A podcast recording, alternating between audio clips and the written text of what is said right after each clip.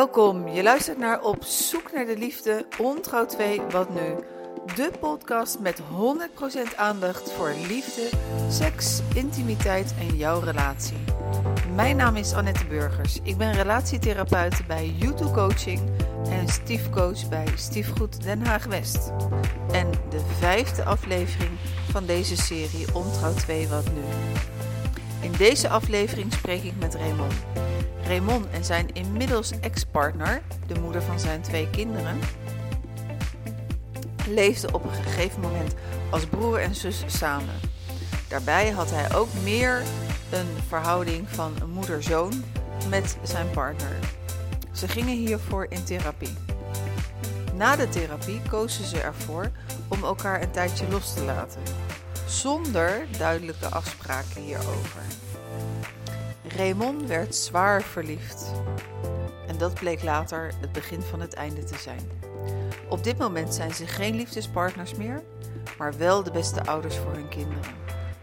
Dit gesprek met Raymond gaat over liefde, vreemdgaan, liegen, keuzes maken, verdriet, rouw, een valse start, reflectie, verantwoordelijkheid, de definitie van ontrouw, jezelf verliezen en ik kan weer ik zijn. In mijn vorige serie, serie 5, die je nog steeds kunt beluisteren via mijn website youtubecoaching.nl slash podcast, sprak ik met een aantal collega's, professionals op relatiegebied over ontrouw. En vooral ook hoe je het kunt voorkomen. Herken jij jezelf in het verhaal van Raymond? Laat dan een berichtje achter op info.youtubecoaching.nl of op mijn mobiel via de WhatsApp 06 456 22 552. En geef vooral deze podcast dan een like. Dan komt hij vaker, uh, dan kan je hem vaker zien. En dan kan hij ook als steun dienen voor mensen in dezelfde situatie. En begin vooral ook altijd een goed gesprek uh, met je partner als je hierover wil praten. Bij deze serie hoort ook het e-book De 7 beste tips om na ontrouw je leven weer op de rit te krijgen. Dit e-book is geheel gratis te bestellen via info.youtubecoaching.nl en YouTube schrijf je met J-U-T-T-U. En uh, dan krijg je hem zo snel mogelijk in je mailbox. Wil jij jouw verhaal eventueel anoniem ook met mij delen? Neem dan contact met me op. Mijn doel is het onderwerp uit de taboesfeer te halen en mensen in dezelfde situatie te helpen door onze verhalen te delen. En ik weet dat het werkt. Ben jij geïnteresseerd in relaties, intimiteit en seksualiteit? Abonneer je dan op Vlam Magazine. Elk kwartaal komt er een prachtig nieuw nummer, woordenvol met informatie, geschreven door inspirerende professionals. En dan nu luisteren naar het gesprek met Raymond.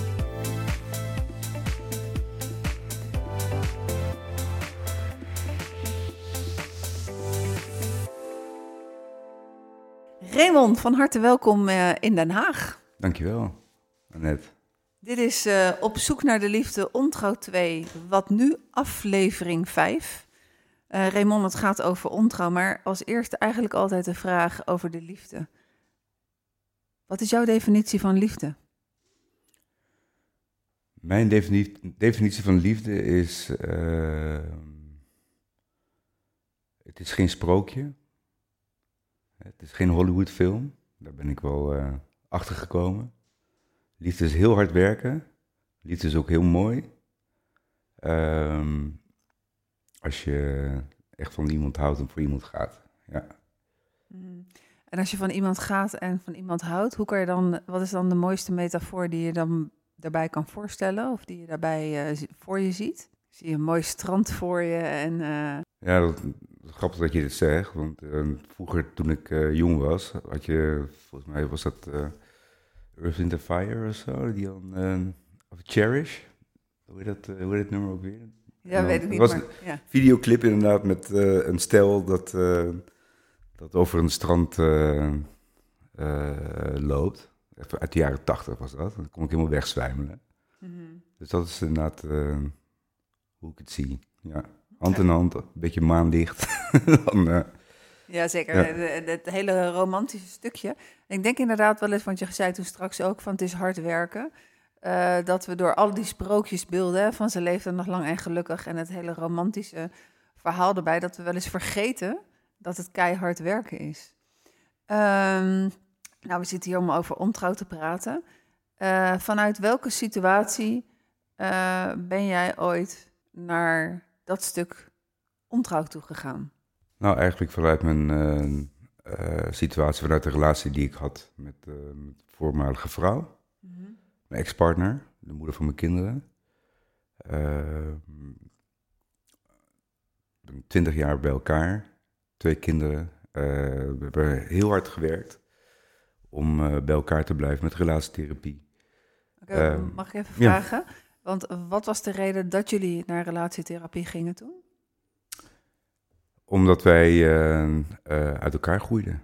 En uh, eigenlijk alles op alles. we werden een soort broer. We hadden een broer- en zusrelatie. En als je kijkt naar de patronen in relaties, hadden we ook een moeder-kindrelatie. Nou, dat. en dat moeder-kind is er later ingeslepen. Geslopen. Geslopen, hallo zeg, goedemorgen. Dat is daar later ingeslopen. Dat was niet al in het begin? Nee, weet je, je hebt, de, je hebt de fases toch? Je bent hartstikke verliefd. Uh, je bent jong. Je rolt ergens in. Hè? Uh, zonder echt bij stil te staan. Ook in de leeftijdsfase waar je hier zat. Je werkt. Je krijgt twee kinderen. Uh, daar alle focus op. En dan verlies je gewoon. Het is eigenlijk een patroon wat, waar heel veel mensen mee dealen. Ehm, is een patroon wat gewoon insluit. Nou, bij ons was er ook nog een patroon dat, eh, dat we in een moeder-kindrelatie kwamen. Hoe, hoe, uh, hoe, kwam dat? Weet je dat? Ja, ik weet het. Ik heb zelf uh, eh, ADD. Ehm, dat, ik zeg niet dat ADD de uh, factor is, maar weet je, omdat ik, ik, ik heb wat moeite met, met tijdsplanning. Ik heb moeite met dingen vergeten of dingen kwijt. dan raak ik weer mijn sleutel kwijt of een, of een telefoon. Of, weet je, een, of ik vergat de, de, voetbaltraining van een van mijn kinderen. Dus mijn ex-partner moest al die gaten gaan op, opvullen. Ja, dan gaat ze managen. En dan krijg je eigenlijk, zonder dat je het zelf weet, kom je in een moeder-kind-patroon. Ja, dus jij was eigenlijk het, het, het, derde kind voor haar. Ik was eigenlijk het derde kind voor haar. En heel realistisch, moeder en kind, die seksen niet. Dus ja, dan, dan, dan groei je ook automatisch uit elkaar. Nou, met de relatietherapie uh, kwamen we erachter. Hè, de, de, maakte, het werd, werd, ons bewust. Toen, ik denk dat het vijf jaar geleden was, werd ik ook gediagnosticeerd met ADD. Dus dan, dan, dan vallen ook puzzelstukjes in elkaar. Daar hebben we heel hard gewerkt om onze relatie weer gelijkwaardig te krijgen. Mm, en op, op welke manier hebben jullie dat dan gedaan, dat heel hard werken? door uh, nou, gewoon praktische voorbeelden. Weet je, dat ehm, eh, mijn ex-partner mij niet ging managen, maar op een andere manier. Dat we met elkaar omgingen. Hè. Ik, ik zeg niet, het is alleen maar. het is trouwens ook niet één richting. Hè. Ik bedoel, het is niet van mijn ex-partner naar mij toe, maar het is ook vice versa. Je vond het wel fijn dat, ze, dat ze dat deed. Ja, in het begin. Uiteindelijk, ja. ja. ik vond het fijn dat ze dat deed, maar je merkt ook, hè, je wordt ook bewust van uh, uh, dat het niet werkt. Dus zij moest stappen maken om vanuit de moederrol naar beneden te, te stappen. En ik moest stappen maken om vanuit de kindrol naar boven te stappen. Dus dat is hard werken. En uh, dat betekent dat mijn ex-partner niet meer gefrustreerd hoefde te zijn door uh, mij te vertellen wat, wat ik allemaal moest doen. Hè. Die moet morgen dat, dat, dat en dat doen. Zeven punten, vergat ik er drie. Maar dan maakte ze een briefje. En uh, ja, dat is heel kinderachtig misschien, maar ze maakte een post-it. Raymond, wil je dit, dit en dit doen? En ja, ik volgde het, dat, ik volgde dat briefje. En ehm, uiteindelijk hielp dat mij ook. Dat was ook een soort houvast. Het is gewoon een heel suf, praktisch voorbeeld. Maar, uh, ja, wat ik uh, weer vooral hoor zeggen is... weet niet of uh, als, je, als je naar dit, uh, deze podcast luistert, of je bekend bent met de drama-driehoek en de groeidriehoek. Uh, jij gaf al aan van naar boven en naar, en naar beneden. Dat is, komt vanuit de transactionele analyse, een psychologisch communicatiemodel. overigens kan je die poster van de drama-driehoek en de groeidriehoek, die, daar mag je me voor mailen, want dat is een geweldige poster met een goede uitleg.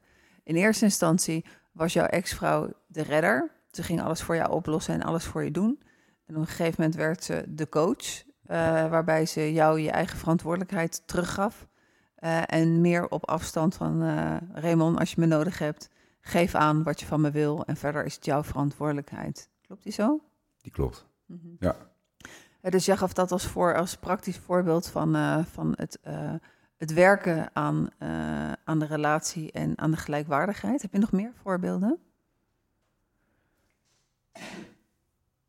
Door verantwoordelijkheid te nemen, maak je ook weer een stap naar boven. Dus uh, uh, ik accepteerde ook dat ik uh, ja, steken kon laten vallen. En, maar ik nam daar wel verantwoordelijkheid eh, voor. Zo van, ik ben Raymond en zo ben ik.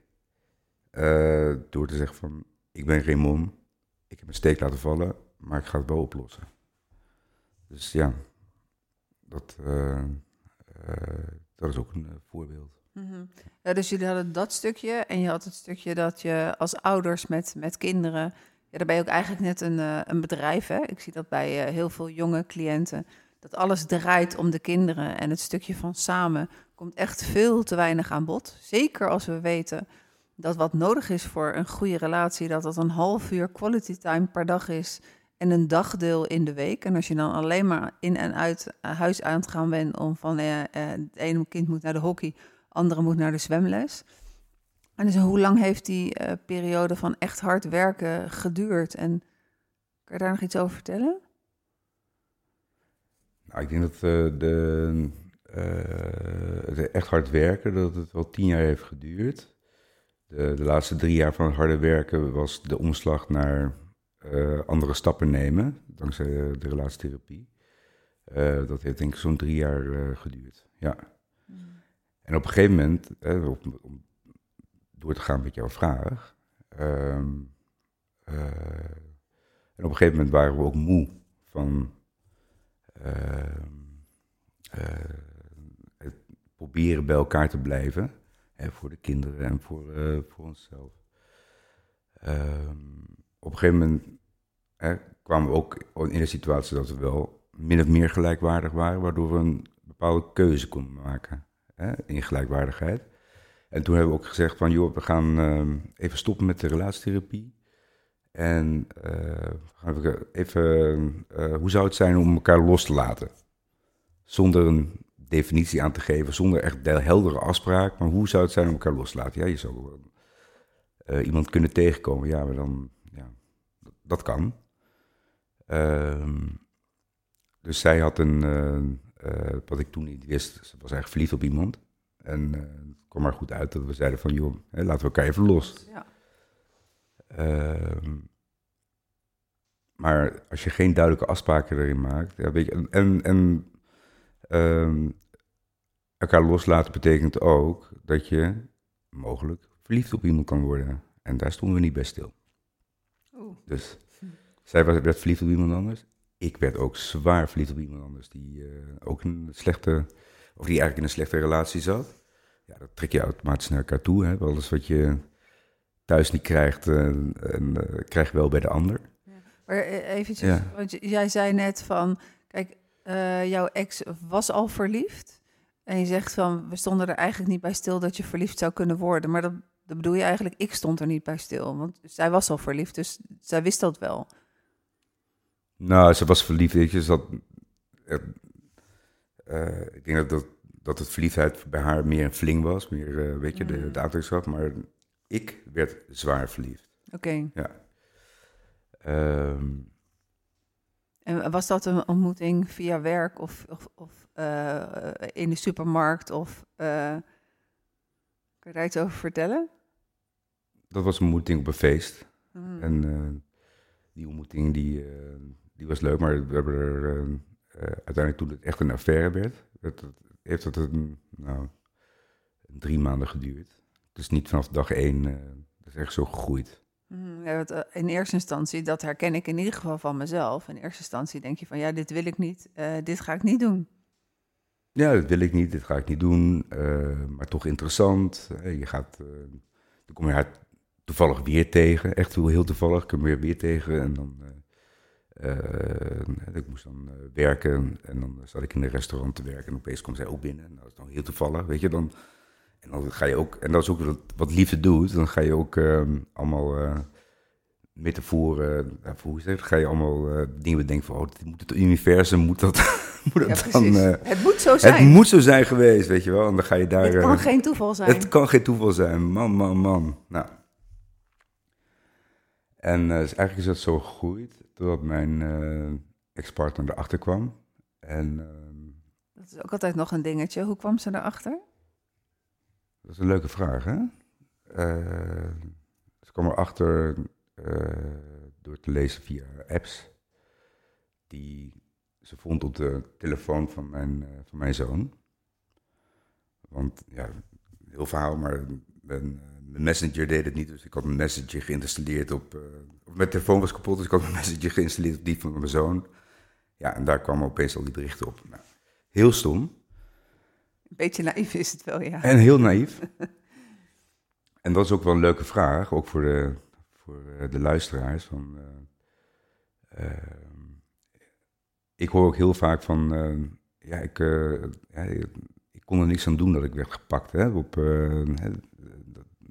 mijn ex-partner erachter kwam dat dat ik ben vreemd gegaan. En, uh, maar ik ben er wel van overtuigd dat je het bewust onbewust wel hebt laten gebeuren. dat je jezelf tegen de lamp aanloopt.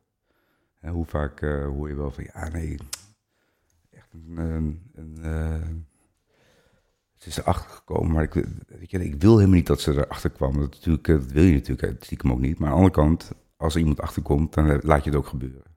En, dus ik zeg heel vaak van, je, je hebt bewust, heb je jezelf tegen de lamp aangelopen, uh, laten, laten lopen. Um, ik, ik onderbreek je even, ja. denk, eh, onthoud waar je gebleven bent, maar mij is hetzelfde overgekomen.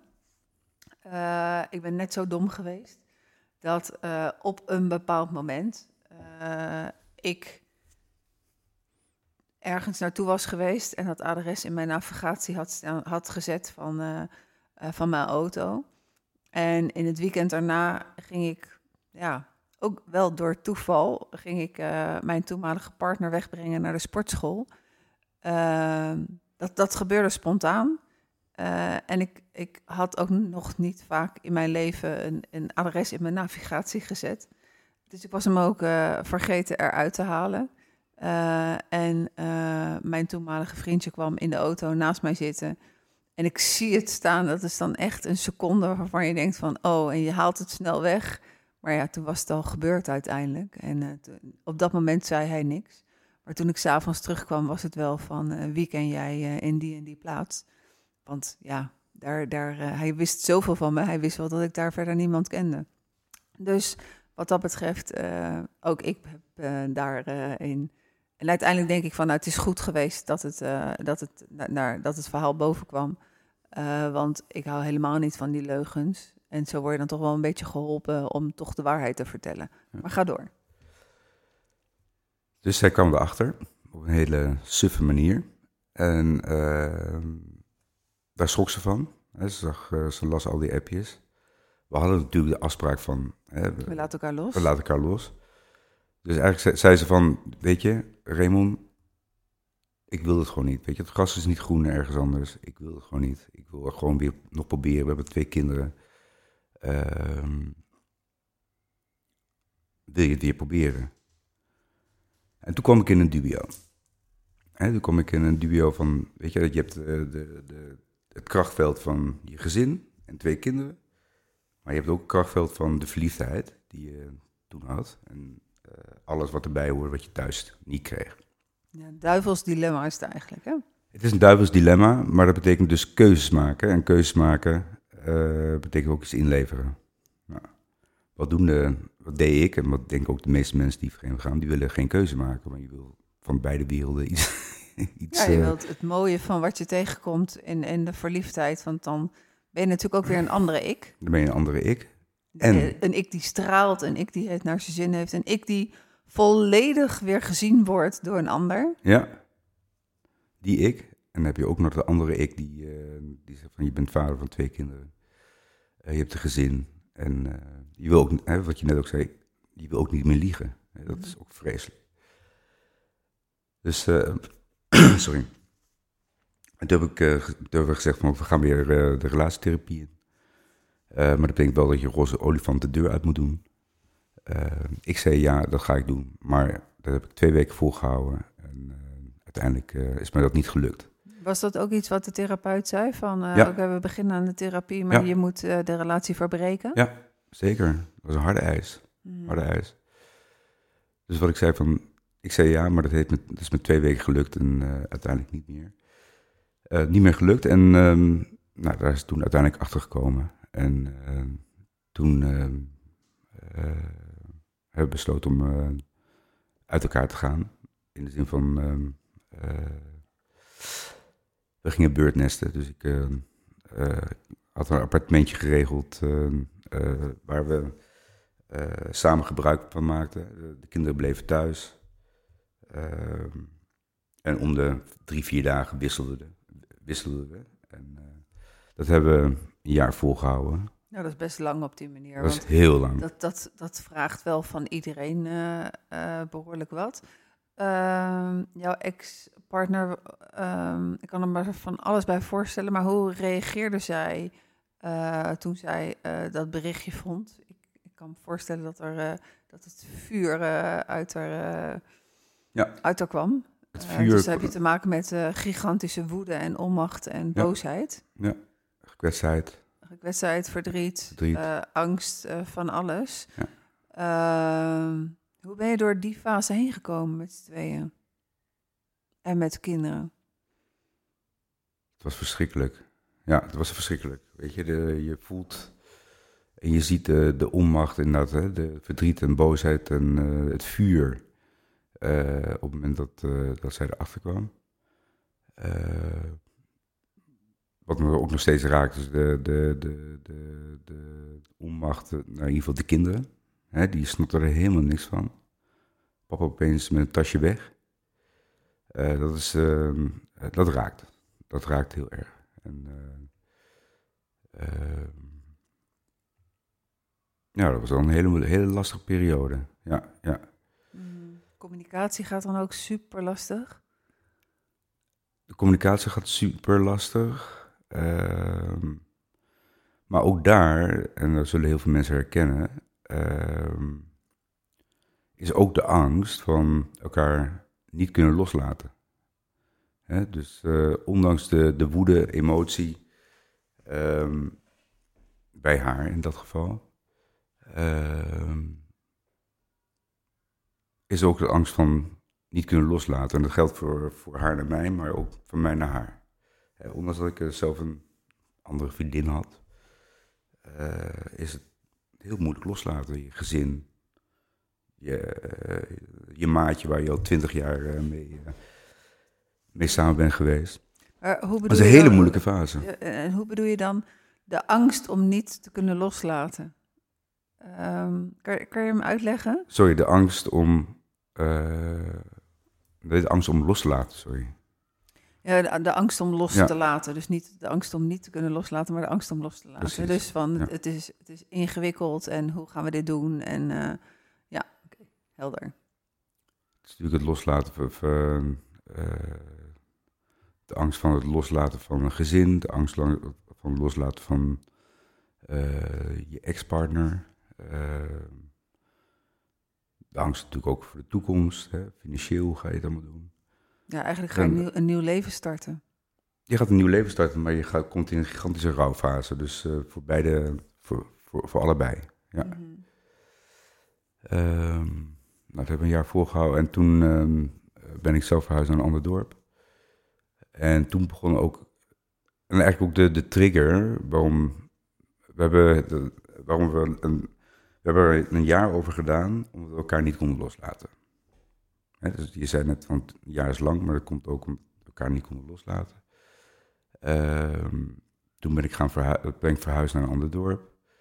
Ehm, ook omdat ik besef was dat de kinderen, ja, die zaten maar in de wachtstand. Hè, die, eh, eh, ze hadden gehoord dat, eh, ze hadden begrepen van papa en mama dat ze uit elkaar gingen, maar er gebeurde verder niks. Dus voor de kinderen was het ook heel onveilig. Ja, je bedoelt, je zegt van er gebeurde verder niks, maar jullie hadden die, die birdnesting, die, mhm. dat, dat wisselen. Of hadden jullie ook nog ergens een bepaalde vorm van uh, liefdesrelatie, los van de partnerrelatie en ouderschap? Nee, geen liefdesrelatie, maar wel dat nog niet helemaal duidelijk was voor eigenlijk het hele. voor, er was nog hoop. Er was misschien nog hoop voor, bij de kinderen, bij ons. Ehm, maar ook een hele verwarrende situatie. ik, ik was nog steeds met. met je vriendin? met die vriendin. Uh, de kinderen die, die, die, die, die zagen papa en mama om de drie dagen in hun eigen huis. Ja, die, die, die wisten ook niet wat er, wat er nou echt precies ging gebeuren. Mm En op het moment dat ik uh, ging verhuizen naar een ander dorp, toen werd het echt wel duidelijk, duidelijker. En, ehm, maar toen begon de rouwproces van mijn kinderen ook op het moment dat, uh, dan wordt het ook definitief. Papa die gaat echt uit huis naar een ander dorp. En toen begon het rouwproces uh, van mijn eigen kinderen ook. En dat was heel pittig. Ja. Mm, want waar kon je dat dan zien? Waar kon je dat dan nou, merken? Nou, ze wilde niet naar me toe. En dat was echt niet omdat ze mij niet leuk vonden. maar weet je, het was gewoon onderliggend, was het gewoon de boosheid. Van, uh, ze, hadden allemaal, ze zeiden van, ja, als ik naar je toe ga, daar heb ik geen vriendjes. Of ik vind die kamer niet leuk. Of ehm, ze moesten met z'n tweeën ook op één kamer bij mij, in mijn nieuw appartement. Ehm, nou, dat was ook natuurlijk allemaal stom. En, maar onderliggend was gewoon de boosheid van, papa en mama gaan nu echt definitief uit elkaar. Ehm, gedrag, met name van mijn jongste, weet je, dat... Uh, werd opeens recalcitrant op school. Nee, je kent die rouwcurve van uh, Kopper, is dat volgens mij? Nee, uh, de naam ben ik niet zo goed in. Nou, de, iedereen gaat door, door de rouwfases heen, nou zo ook kinderen. Dat, het gaat van boosheid, vechten, onderhandelen, lief zijn. Nou, dat, door al die rouwfases, al die fases gingen mijn kinderen ook de, doorheen. En ja, dat was een hele pittige fase, ja. En ehm, wat ook lastig maakte, is dat mijn ex-partner, als we de kinderen wisselden, uh, en ze brachten kinderen, wilden ze niet naar, het, uh, naar boven, naar mijn, in mijn appartement gaan, uh, gaan staan. Want ze voelden de energie van iemand anders. Mm Dus dat is ook voor de kinderen, was het, ja, die snapten er ook niet van. van mama, die komt niet naar boven, wat, wat gebeurt er nou? En, toen hebben we ook hulp gehad van een, van een, van een coach die ons door het rouwproces heen trok. En ehm, dat was heel fijn, want vanuit de vechtstand kwamen we langzaamaan toch in de, ehm, in de fase waar we meer in harmonie waren en dat we uiteindelijk elkaar iets gunden. En dat was een heel lastig proces geweest, maar uh, wat, wat, wat, hebben jullie in die tijd actief aan, aan opdrachten, aan huiswerk of aan wat heb, je, wat heb je moeten leren waardoor het mogelijk werd om, uh, om weer rust en harmonie te brengen?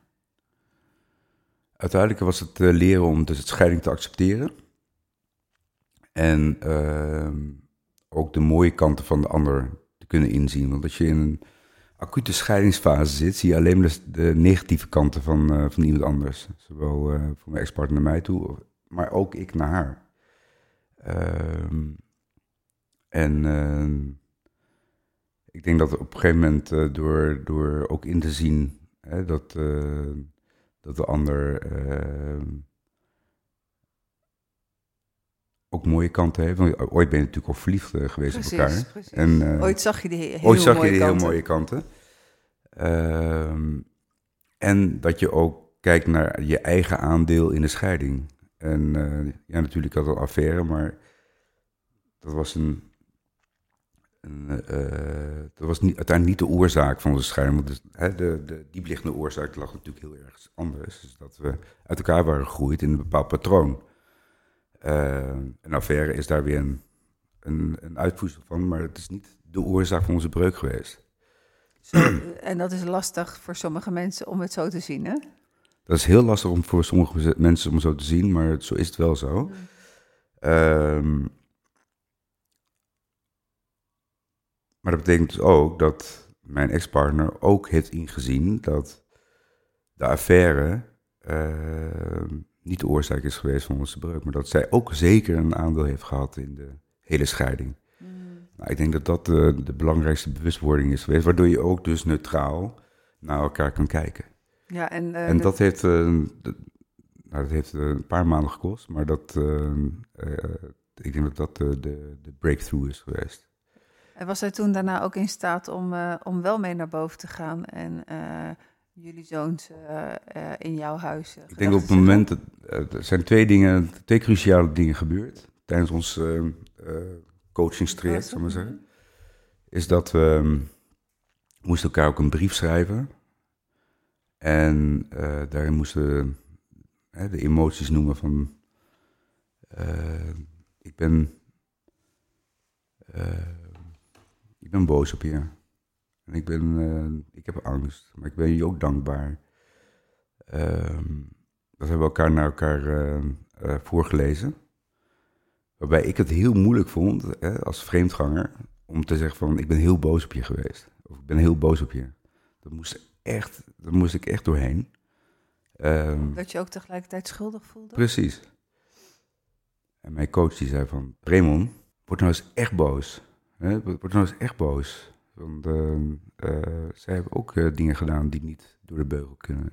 Toen ik dat realiseerde, ja, dan, dan kun je inderdaad ook dingen in eh, perspectief eh, gaan brengen. Dat het niet alleen aan de affaire lag, maar aan veel meer. Ehm, en de tweede cruciale moment is dat, eh, en dat het een hele gedegen eh, voorbereiding geweest, is dat eh, mijn ex-partner mijn nieuwe vriendin ging ontmoeten. En eh, voordat ik mijn kinderen ging voorstellen aan de nieuwe vriendin. Ehm, dus de introductie van een nieuwe partner is dan heel precair. Ehm, en dat was het moment dat ze eh, ook afstand kon nemen van mij. En ik kon afstand nemen van mijn ex-partner. Ik kon mijn nieuwe vriendin laten zien dat eh, mijn ex-partner geen bedreiging voor me is, was. En eh, een andere mooie is dat ik voelde me bevrijd. Want ik hoefde niet meer te liegen. Dus systemisch werkte dat heel mooi. Mhm.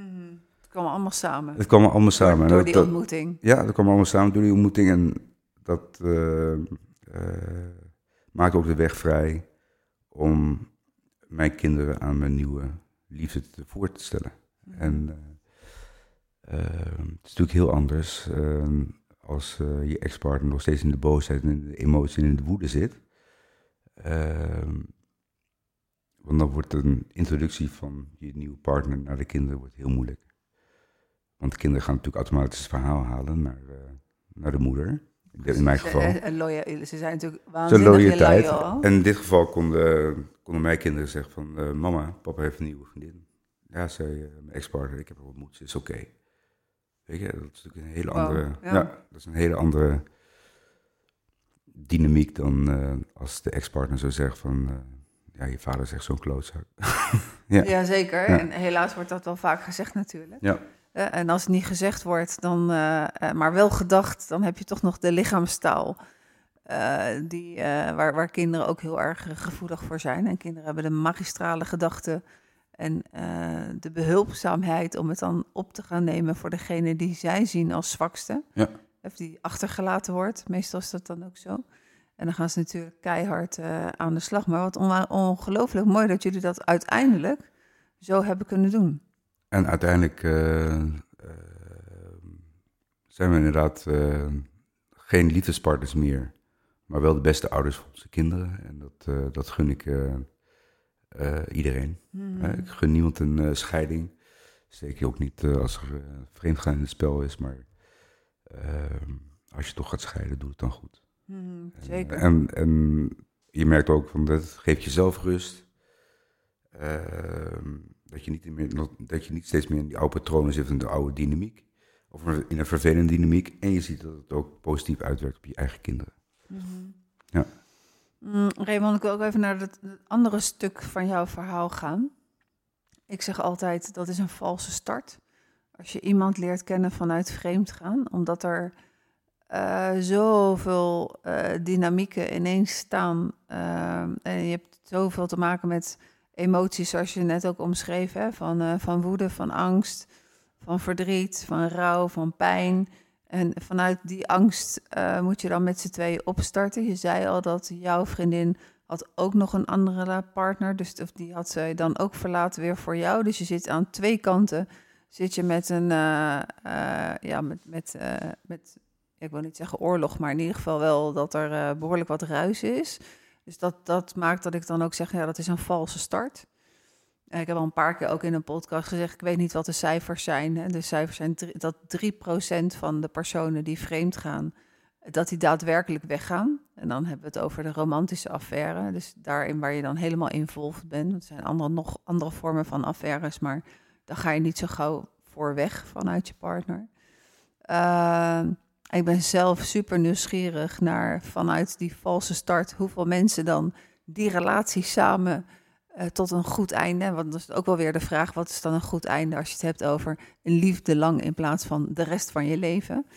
Uh, maar hoe was dat voor jou, die valse start? Kan je dat beamen dat dat zo voelde dat dat super ingewikkeld was, of heb je dat anders ervaren? Ik kan het zeker beamen, want het is super ingewikkeld. En, uh, het cijfer wat je net zei, 3%, ik ken de cijfers niet uit mijn hoofd, maar het is een heel klein percentage die, die daarin slaagt. En uh, ik ben er niet in geslaagd uiteindelijk, want de vriendin die ik had, die ook weg is gegaan bij haar eigen partner, is daarna weer teruggegaan naar haar partner. Welke reden dan ook, maar ze is weer teruggegaan naar de partner. Maar wat je ziet, is inderdaad van, hè, je, je hebt een valse start, want je verlaat beide je gezin voor elkaar in de romantische, hè, de, de romantische gedachten, maar niet wetende wat voor een emotionele uh, rollercoaster. rollercoaster komt en de dynamiek met kinderen, met je ex-partner, het gezin die je verlaat, hè, de, de, de, het, de rouwen op je gezin en op je, je, je kinderen. Dat, dat is zo'n kolk van, van emoties waar mensen niet stil bij staan. En het zijn krachten die, uh, die uh, heel moeilijk, uh, om het zakelijk te blijven, te managen, te managen zijn. ja, dus de, de, de kans dat je, dat je daar echt in slaagt is heel erg klein. Ja. hoe lang zijn jullie dan uiteindelijk samen geweest nog met, met je vriendin?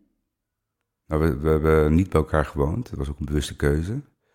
Uh, zij woonde ook tijdelijk alleen. Uh, en er zat ook 50% de kinderen. Uh, we woonden wel in hetzelfde dorp. Ehm, ik denk dat dat nog een jaar heeft geduurd. Mm, Toen was ze besloten om weer terug te gaan. Ja. En dan heb je ook nog dat stukje ingewikkeld hè, van samengesteld gezin. En dan la een lattend samengesteld gezin. En uh, dan moet je ook dat nog dat regelen dat uh, wanneer ben je allebei vrij en wil je zo veel mogelijk in het begin nog bu buiten de kinderen doen, om die, die, die daar niet helemaal mee uh, te confronteren. Dus de, de lat ligt super hoog om dat ook tot een succes te brengen. Ja, plus natuurlijk ook, de, hè, uiteindelijk hebben we elkaars kinderen wel ontmoet. De kinderen hebben elkaar, onze kinderen hebben elkaar ontmoet. We zijn een paar keer een weekend weg geweest. Het ging echt hartstikke goed. Maar het geeft wel een druk op een relatie als je ex-partner, nou in ieder geval mijn ex-partner, dat ging een stuk beter. Mm -hmm. uh, maar haar ex-partner zat nog steeds in de emotionele woedefase. Dus die krachten, ja, dat, dat, dat is uh, ook voor, voor de kinderen. En met name ook haar kinderen, weet je, die hebben natuurlijk een loyaliteit naar de vader. Ik ben natuurlijk de vader niet. Dus ja, weet je, dat, dat is echt heel lastig. Mensen onderschatten het gewoon. Die onderschatten gewoon uh, de impact uh, A op een scheiding en B uh, vanuit zo'n valse start, zullen we zeggen, vanuit de affaire een samengesteld gezin te gaan, te gaan, gaan beginnen. Dat is echt heel moeilijk. Mm. Mijn advies is ook van, doe dat niet. als je gaat scheiden, neem de rust. En als alles als je alles emotioneel ook op orde hebt, hè, neem er een half jaar, drie kwart jaar de tijd voor. Hè, om uh, iedereen te laten wennen aan een nieuwe situatie. En ga dan pas daten en uh, beginnen met een, uh, met een, nieuwe, een nieuwe liefde. En een schone dan, lei. Met een schone lei. Maar ook dan, als je de nieuwe liefde hebt, wees heel voorzichtig met het introduceren van, van je nieuwe liefde aan je kinderen. mensen gaan veel te snel, zie ik ook om me heen en uh, je zit natuurlijk in een verliefdheidsbubbel. En uh, zo had ik ook een, uh, een vriendin die een nieuwe liefde had ontmoet. En al heel snel de nieuwe liefde aan de kinderen wilde voorstellen. Want de, hun vader was toch een klootzak, dus weet je dat. en nu had ze de love of her life gevonden en nou, dat ging helemaal mis. Dat ging helemaal mis. Want ze was, was eigenlijk ook pas, pas gescheiden. En de kinderen waren nog niet eens bekomen van de scheiding. En uh, stond opeens een nieuwe, nieuwe kiel voor de, voor de deur, die niet hun vader was. Ja, dan, dan... En nog een ex-partner die, uh, die nog in de boosheid zat. Dus ja, weet je, dat, dat, werkt gewoon niet. Nee. -hmm. Wat, wat zijn nou van deze, dit, dit hele ja, uh, avontuur, reis, welk woordje, proces, ontwikkeling, welk woord je er ook aan wil geven... Um, Misschien een gekke vraag, maar wat heeft het je er in het positieve stuk, wat heeft het je opgeleverd, dit, dit, dit hele pijnlijke verhaal? Um, wat me heeft opgeleverd is dat ik uh, uh, weer ik kon zijn. We hadden het begin uh, van, van, deze podcast hadden we het over het verlies van je eigen ik, waardoor je op zoek gaat naar iemand anders die, die ik wel weer geeft.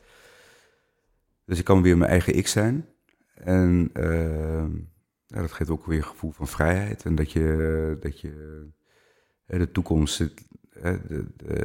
Jij kan weer eigenlijk zelf de toekomst bepalen.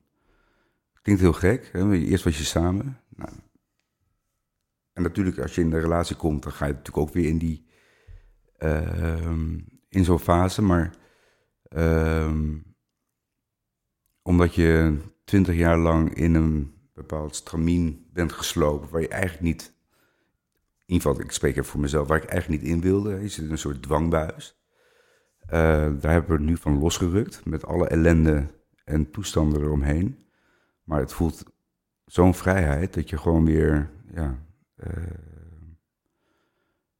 dat, dat, dat, je gewoon weer je, je, toekomst zelf kan bepalen en uh, dat je gewoon weer jezelf kan zijn. En daarbij ben ik gewoon echt blij en gezegend dat het met, mij, tussen mij en mijn ex-partner hartstikke goed gaat. Want dat geeft heel veel rust. Dat, dat is ook een basis waardoor je weer verder kan. Mm -hmm. Ja. Dus dat heeft me concreet opgeleverd. Ja. Mm -hmm. uh, als je terugkijkt, uh, waar zijn dan de momenten waarvan je nu zegt, met de kennis en de alle wetenschap van nu, uh, ja, dat had ik eigenlijk als, als er een tijdmachine zou zijn en ik zou het een en ander nog terug kunnen draaien of kunnen veranderen in, in, in, in het verleden, dan zou ik dat doen. Wat zou je dan uh, het liefst hebben willen veranderen? Op het moment dat mijn ex-partner had gevraagd van, joh, ik wil het weer proberen. En ik op dat moment voelde van, joh, ik zit op een tweespoor. Hè. Aan de ene kant wil je het gezin niet verlaten en je, en je ex-partner met wie je twintig jaar samen bent samen mee hebt uh, geleefd. En de aantrekkingskracht van iemand anders. Ik zat eigenlijk gewoon op een bepaald spoor. Uh, het voelde alsof ik uh, van het station weer terug moest naar het vorige station. Dat een, op dat moment had ik de ballen moeten hebben en toen had ik moeten zeggen van joh, het gaat niet. Ik heb iemand anders gevonden en ik denk dat het tussen ons niet meer werkt. Een hele lastige keuze natuurlijk, maar ik had niet moeten liegen. En uh, ik denk dat dat uh, de, de als ik dat had teruggedraaid, dan eh, was het niet die slappe zak geweest. En dan had ik gewoon gezegd van, joh, ik ben heel eerlijk tegen je. Ik, eh, ik heb iemand anders gevonden, daar wil ik gewoon kijken hoe dat eh, verder gaat. En, eh, ehm, ik wil gewoon niet meer tegen je liegen. Hmm. En, eh, Kan je nog herinneren waarom je wel loog? ik denk dat dat, eh, eh, dat een heleboel mensen die vreemd gaan zich dat zelf kunnen afvragen van waarom loog je? Het is gewoon de angst, weet je. Je, je liegt omdat je, eh, eigenlijk lieg je tegen jezelf. Los van het feit dat je tegen iemand anders liegt. Ehm, want eh, je wil, eh, je, je, je leeft in twee werelden. Annette, je leeft in twee werelden. Je hebt de wereld van je gezin. En je hebt de wereld van, ehm, van het vreemdgaan. Vraag eens aan hoeveel mensen die vreemd zijn gaan, hoe, eh, hoe vaak ze zich schuldig voelen. We- Heb je wel eens gevraagd? Van hoe, vaak, hoe, vaak, hoe vaak heb jij je schuldig gevoeld? Ikzelf, of, die Ja. vraag überhaupt heb gezegd. Nou, ik heb mezelf eh, ontelbaar keren schuldig gevoeld. En wat ik hier eh, aan, aan, de, aan de podcast, aan de microfoon, eh, de laatste aflevering en nog een aflevering die uitgezonden moet worden. eh, de aflevering die nog uitgezonden moet worden, zei, eh, zei Simon, dit voelt als een biecht. Ja. Dus dat zo, zo zwaar. En hij gaf ook aan dat hij zichzelf al geruime tijd, al enige tijd, niet in de spiegel kon aankijken. En dat dat niet zomaar is van eh, een uitdrukking van jezelf aankijken in de spiegel, Ja. maar dat hij dat echt niet kan. Eh, een andere dame in de podcastaflevering, Dini, die al uitgezonden is, die gaf aan eh, kilo's schuld. Eh, dus, dus dat stukje van schuld, eh, dat zei Simon trouwens ook. Hij zegt van ja, zo zwaar als ik ben, eh, zo groot is dat aantal kilo schuld. En dan is even de, de vraag, is de schuld nadat ze betrapt zijn? of de schuld tijdens het vreemdgaan? Nee, want ze je- waren nog niet al, eh, de, eh, Simon is nog niet betrapt. Oh. En laten we dat vooral zo houden. Ja. Eh, dus dat is de schuld die hij bij zich draagt. eh, puur in dat eh, eenzame proces waarin hij zit. Ja. Nou, ik kan je... eh, dit is mijn overtuiging dat eh, de meeste mensen die vreemd gaan maar één keer zich schuldig voelen. Hè? Dat is op het moment dat ze voor de eerste keer thuiskomen. En daarna gaan ze gewoon in die twee werelden verder. Weet je, en dan kom je thuis, heb je net een leuke, leuke dag gehad met je, met je affaire. En dan kom je thuis bij je gezin. En er zijn maar weinig mensen die op dat moment, als ze weer thuiskomen, zich schuldig voelen. Ik geloof het niet. Mhm. In ieder geval, ik in ieder geval niet. Mhm. En, eh, ehm, en dat is natuurlijk eh, de, de, de, het gevaar van vreemdgaan. Je, je zit in die, in die twee werelden. En eh, eigenlijk op het algemeen, je voelt je niet schuldig. Want iedereen heeft wel excuus om vreemd te gaan. Eh, ik werd nooit gezien in mijn eigen relatie. Bij, bij haar of bij hem ben ik de prins of de prinses. Eh, ah joh, dat is toch niet erg, want iedereen doet het toch? Of, eh, weet je, je gaat je allemaal excuses verzinnen om maar in die, in die ene wereld te kunnen blijven. En de andere wereld ook van, ja, maar ik ga het echt niet vertellen hoor. Want, ja, A, wat moet de buitenwereld ervan denken? B, wat moeten mijn kinderen ervan denken? Ehm, ga ik, ga, word ik de deur uitgezet. Tweede word ik de deur uitgezet. D, dan ver- verlies ik eh, eh, het veilige basis, eh, de kerngezin. Ja, er zijn zoveel excuses om het niet te vertellen. En daardoor, om, daardoor ook om te liegen. Dus eh, je liegt eigenlijk in beide werelden. ja, Ja, heel apart En- en- hoe en- en- werkt. En je verliest, je verliest jezelf. En je verliest de realiteit ook. Mm. Ja. Eh, Raymond, eh, waar zit... eh, ik heb net gevraagd van... Oké, wat, wat heb je er positief van meegekregen? Eh, en, ehm, en waar zou je een ander moment... wat zou je anders gedaan hebben? Ja. Waar zit nog pijn? Wat draag je bij je? Ehm, nou, ik, weet je, de- als je. Het klinkt wel gek, nu gaat het heel goed met mijn ex-partner. Ehm, van de zomer gingen we voor de tweede keer apart op vakantie. Hè? Dus hij met de kinderen, ik met de kinderen. Ja, dan eh, zie je, zie, lig je aan het zwembad. Lig je aan het zwembad en zie je om die gezinnetjes eh, heel gezellig bij elkaar. En jij bent met z'n drieën. En eh, ik weet nog, vorig jaar toen waren we, zaten we in een restaurant op vakantie. En die ober die, die vroeg aan mijn kinderen van, hey, where's your mother? Ja, divorced, weet je. En dan denk je van, ja, fuck, dat, eh, Dan voel je hem binnenkomen. dan voel je me even binnenkomen. En, ehm, en dat mijn kinderen ook zeggen van, ja, het was hartstikke leuk op vakantie met mama, maar we misten je wel, weet je. Dus dan, dat is toch dat, dat kern, of de, dat systeem, zal ik maar zeggen, is toch, eh, toch weg. En dat, eh, ja, Dat, dat- dat voel jij dan ook. Daar Ja. zit gewoon nog een stuk pijn. Ja. ja, ja. Mm. Alhoewel ik wel, hè, het is echt beter geweest om uit elkaar te gaan. Maar er zijn- echt wel momenten dat dat, dat, dat, dat pijn doet, ja. Mm. Raymond, denk je dat je ooit nog eens vreemd gaat? Ehm, nee. Je moet er wel lang over nadenken. Ja, weet je, het is natuurlijk heel makkelijk om... eh, Mm. eh, maar als je je realiseert dat je eh, andere mensen er...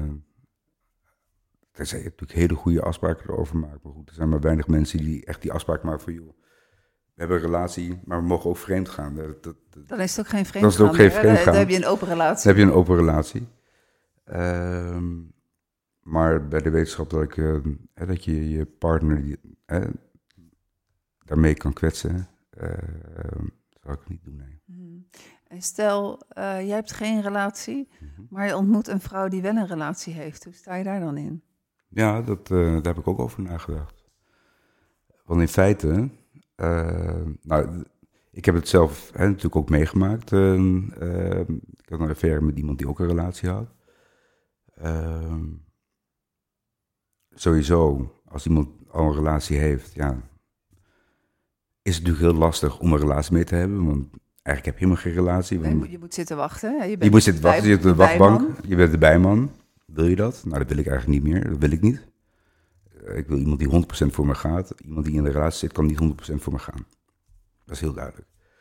Plus, dat ik nu ik zelf ervaringsdeskundige ben, dat ik, en dat, dat, dat, dat realiseren heel veel mensen ook niet, als je vreemd gaat, en zeker met iemand die een andere relatie heeft, wat gebeurt er als dat, eh, als dat eh, Klopt. klapt, dan sleur je eigenlijk iemand anders ook in mee. En nog een gezin of andere kinderen. Heel veel mensen realiseren zich die ik van, ja, weet je, dat is haar probleem. Nee, je bent part of the problem. Dus eh, eh, neem daar ook je verantwoordelijkheid in. Dus ja, ik zou het niet doen, nee. Nee. Nee. Ik heb dezelfde beslissing eh, een, geruime tijd geleden genomen. Eh, en ook omdat ik niet meer het gemis wil compenseren wat er in een andere relatie is. Nee, Hè, dus eh, in feite, eh, nu ben ik op dit moment geen vrijgezel. eh dus, maar toen ik dat eventjes wel was, en nee, er was best wel een, een man die belangrijk was voor me.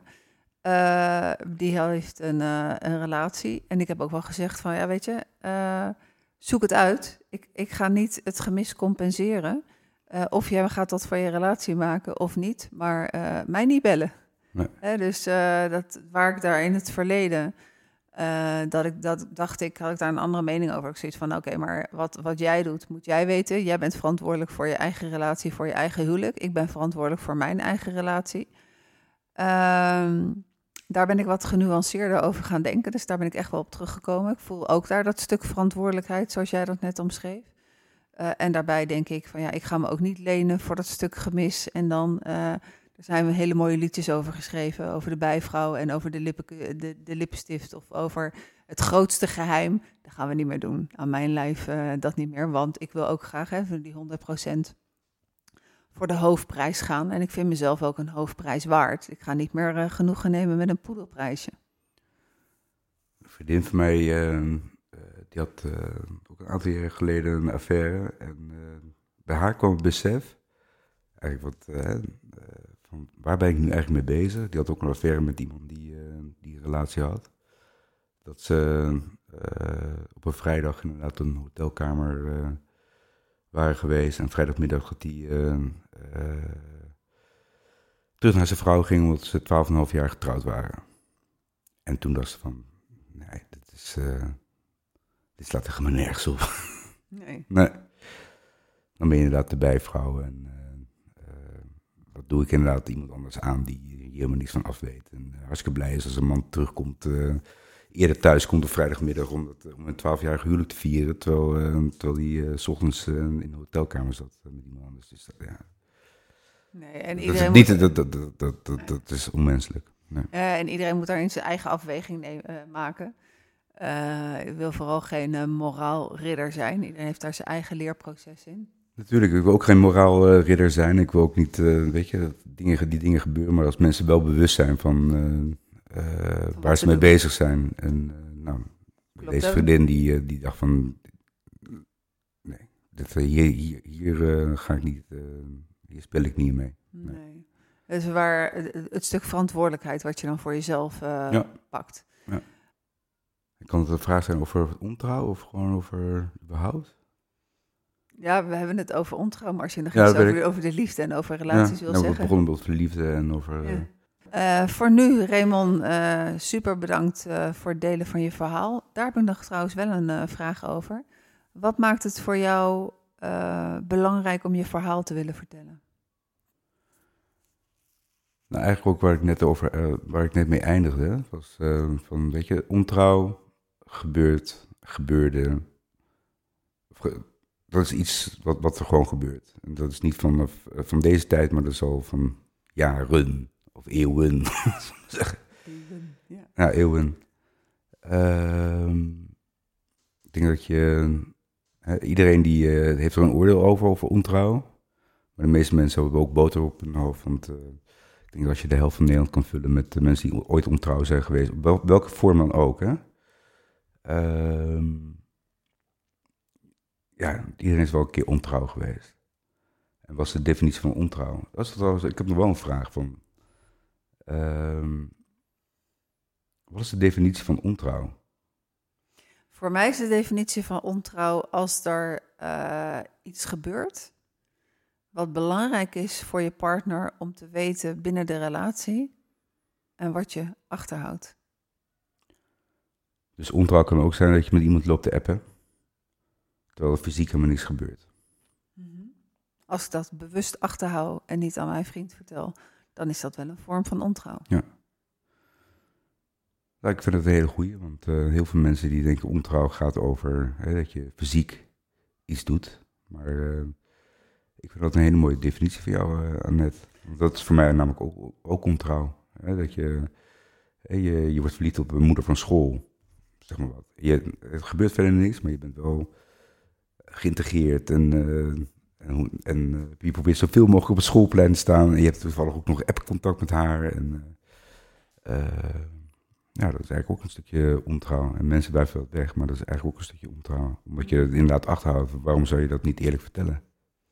Ja, en dat is nog even mooi om mee te nemen. Kijk, ik heb dan ook vaak wel over de exclusiviteit en de heilige ruimte.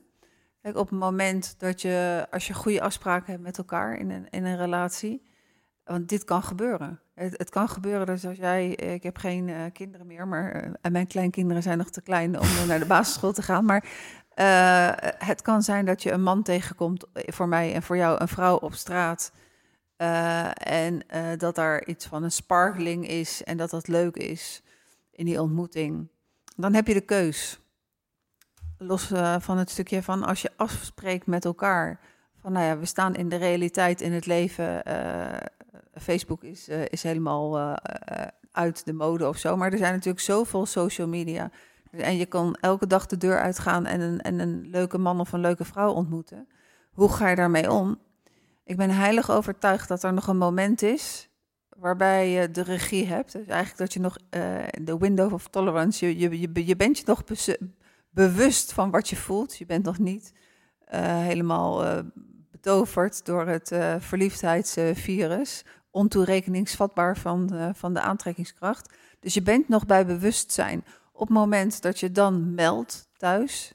ik heb ooit Gideon de Haan geïnterviewd en die had het over de meldingsplicht die hij thuis had. Als je het meldt en als je zegt van goh, ik voel, ik voel hè, er, er is een moeder op het schoolplein of er is een vader of er is een man eh, bij, de, bij de supermarkt die ik elke keer tegenkom. Als je het meldt en het wordt goed ontvangen, want je hebt die afspraak gemaakt, dan weet je op dat moment allebei, oké, hoe gaan we hier samen mee om? En dan, dan sluit je de gelederen, dan sta je schouder aan schouder, hand in hand. Met alles wat spannend is op dat moment. Want dat is rete spannend om de waarheid te vertellen. Uh, word je afgewezen, wordt de ander verdrietig, wordt de ander boos. Dus je hebt de gevoelens niet in de hand. Maar om dat samen aan te gaan, dan, dan heb je wel dat stuk, we gaan het samen aan. Op het moment dat je niks zegt en je gaat mee met het appverkeer met uh, die moeder van het schoolplein, of ik ga een kopje koffie drinken met de meneer uit de supermarkt, dan doe je dat alleen.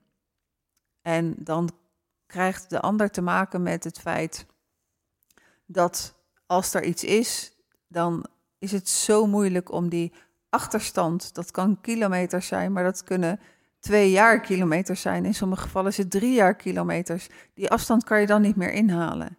En dat voelt echt als een, uh, een dolk in je rug. Uh, dus even teruggaand naar, naar dat stukje van uh, als je goede afspraken maakt en als je de beste versie van jezelf wil zijn op relationeel gebied. Dus uh, dat, dat, dat zeggen de meeste mensen wel na een aantal scheidingen. Van oké, maar nou wil ik het goed doen. Nou wil ik het heel graag goed doen. Dan gaat het voor mij ook echt om het goede gesprek samen aan te gaan. Die heilige ruimte in te vullen. De exclusiviteit. Wat is van ons? En hoe gaan we met dit soort situaties om? En als je het goed bespreekt aan de voorkant, dan wordt het waarschijnlijk toch wel. Het is nog steeds spannend hoor, maar dan wordt het waarschijnlijk toch wel wat makkelijker om dat goed te bespreken met elkaar als het aan de hand is. In ieder geval heb je dan een missie en een visie van je relatie. En dat, ik vergelijk het ook altijd met het bedrijfsleven in die zin van elk bedrijf heeft een missie en een visie. En hoe duidelijker die missie en die visie zijn, uh, welke vraag je daar ook tegenaan houdt, dan heb je een, een vrij simpel antwoord. Ik moet je heel eerlijkheidshalve ook toegeven dat voor mij uh, als er duidelijke afspraken zijn, goede afspraken, en als daar goede gesprekken over mogelijk zijn, en als dan merk, oké, maar dit is goed, hè, iemand schikt niet gelijk of zo, uh, dan maakt het voor mij het ook veel makkelijker om me aan die afspraken te houden. Ik moet er een beetje om lachen, omdat ik dat ook wel weer kinderachtig van mezelf vind. Dat ik die duidelijke afspraken nodig heb, uh, omdat het dan makkelijker is om me aan te houden. Dat zou niet zo moeten zijn. Maar het ondeugende kindje in mij is dan toch nog zoiets van, net zoals kind naar ouders toe, van oké, uh, ik ga toch kijken of ik een snoepje kan, uh, kan krijgen op die manier. Uh, dus, dus de grenzen wat, wat, wat verschuiven, dat is mij, mij niet vreemd. Dat was mij in ieder geval niet vreemd. Maar die duidelijke afspraken die helpen mij, oké, zo gaan we het doen. En zo staan we hier in schouder aan schouder, hand in hand. Maar ik denk ook omdat het positieve afspraken zijn. Weet je, het zijn heldere afspraken, maar het is op een positieve manier gebracht. Als je afspraken maakt van nee, dat mag je echt niet, we zijn uh, exclusief, dan ga je de grens opzoeken. Precies, hè? dan komt dat, uh, dan, dan komt het, het rebelse, rebelse, dan komt het rebelse puberkind naar boven. het vrije kind, ik zeg ja, ja. en ik doe nee. Klopt. Um, grappig dat je zei ook over uh, dat er is een window of tolerance. Hè? Je, hebt altijd een, je hebt altijd een keus met, met vreemd gaan of met iemand anders ontmoeten of whatever. Je hebt altijd een keus. Uh, hoe vaak hoor je wel niet van, ja, het is me overkomen. Weet je, oh ja, ja ze, ze, ze wil met, met mij zoenen in die bar en we waren hartstikke dronken. Het is me gewoon overkomen. Ja, bullshit, het is gewoon, uh, het is gewoon een keus geweest. Je had hem ook uh, kunnen, kunnen wegduwen. Mm. en, ehm, maar ik denk ook, als je die afspraken maakt die jij eh, die je net vertelde.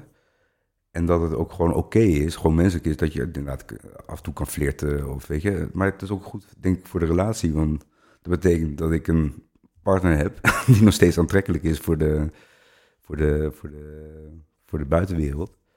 Ja, dat, ik denk dat, dat het juist ook weer de relatie aantrekkelijk maakt. Hè? Van kijk, ik heb een hartstikke mooie vrouw. En al die mannen die kijken ernaar, weet je wel. Ja, dat is natuurlijk heel anders dan als en, alle... En ze gaan met mij mee naar huis. En, en ze gaan met mij mee naar huis. Ja. Of vice versa ook voor de man. Ja. Ik denk dat het alleen maar positief is. Dus dat is een mooie afsluiting. Ja, ja nou, uh, ik eindig graag uh, positief. Ja. Raymond, super belangrijk. Super dankjewel. Ik heb nog wel één vraag. Um, de allerlaatste vraag dan. Denk je dat je ooit nog eens een keer gaat trouwen? Als ik, ik, ik was niet getrouwd Je was, niet, je was niet getrouwd. Oké, maar denk, nou, dan is het helemaal nog. Denk je dat je ooit nog eens gaat trouwen? Maar dat je in ieder geval nog op zo'n serieuze manier de relatie ingaat? Durf je dat nog? Ja, zeker.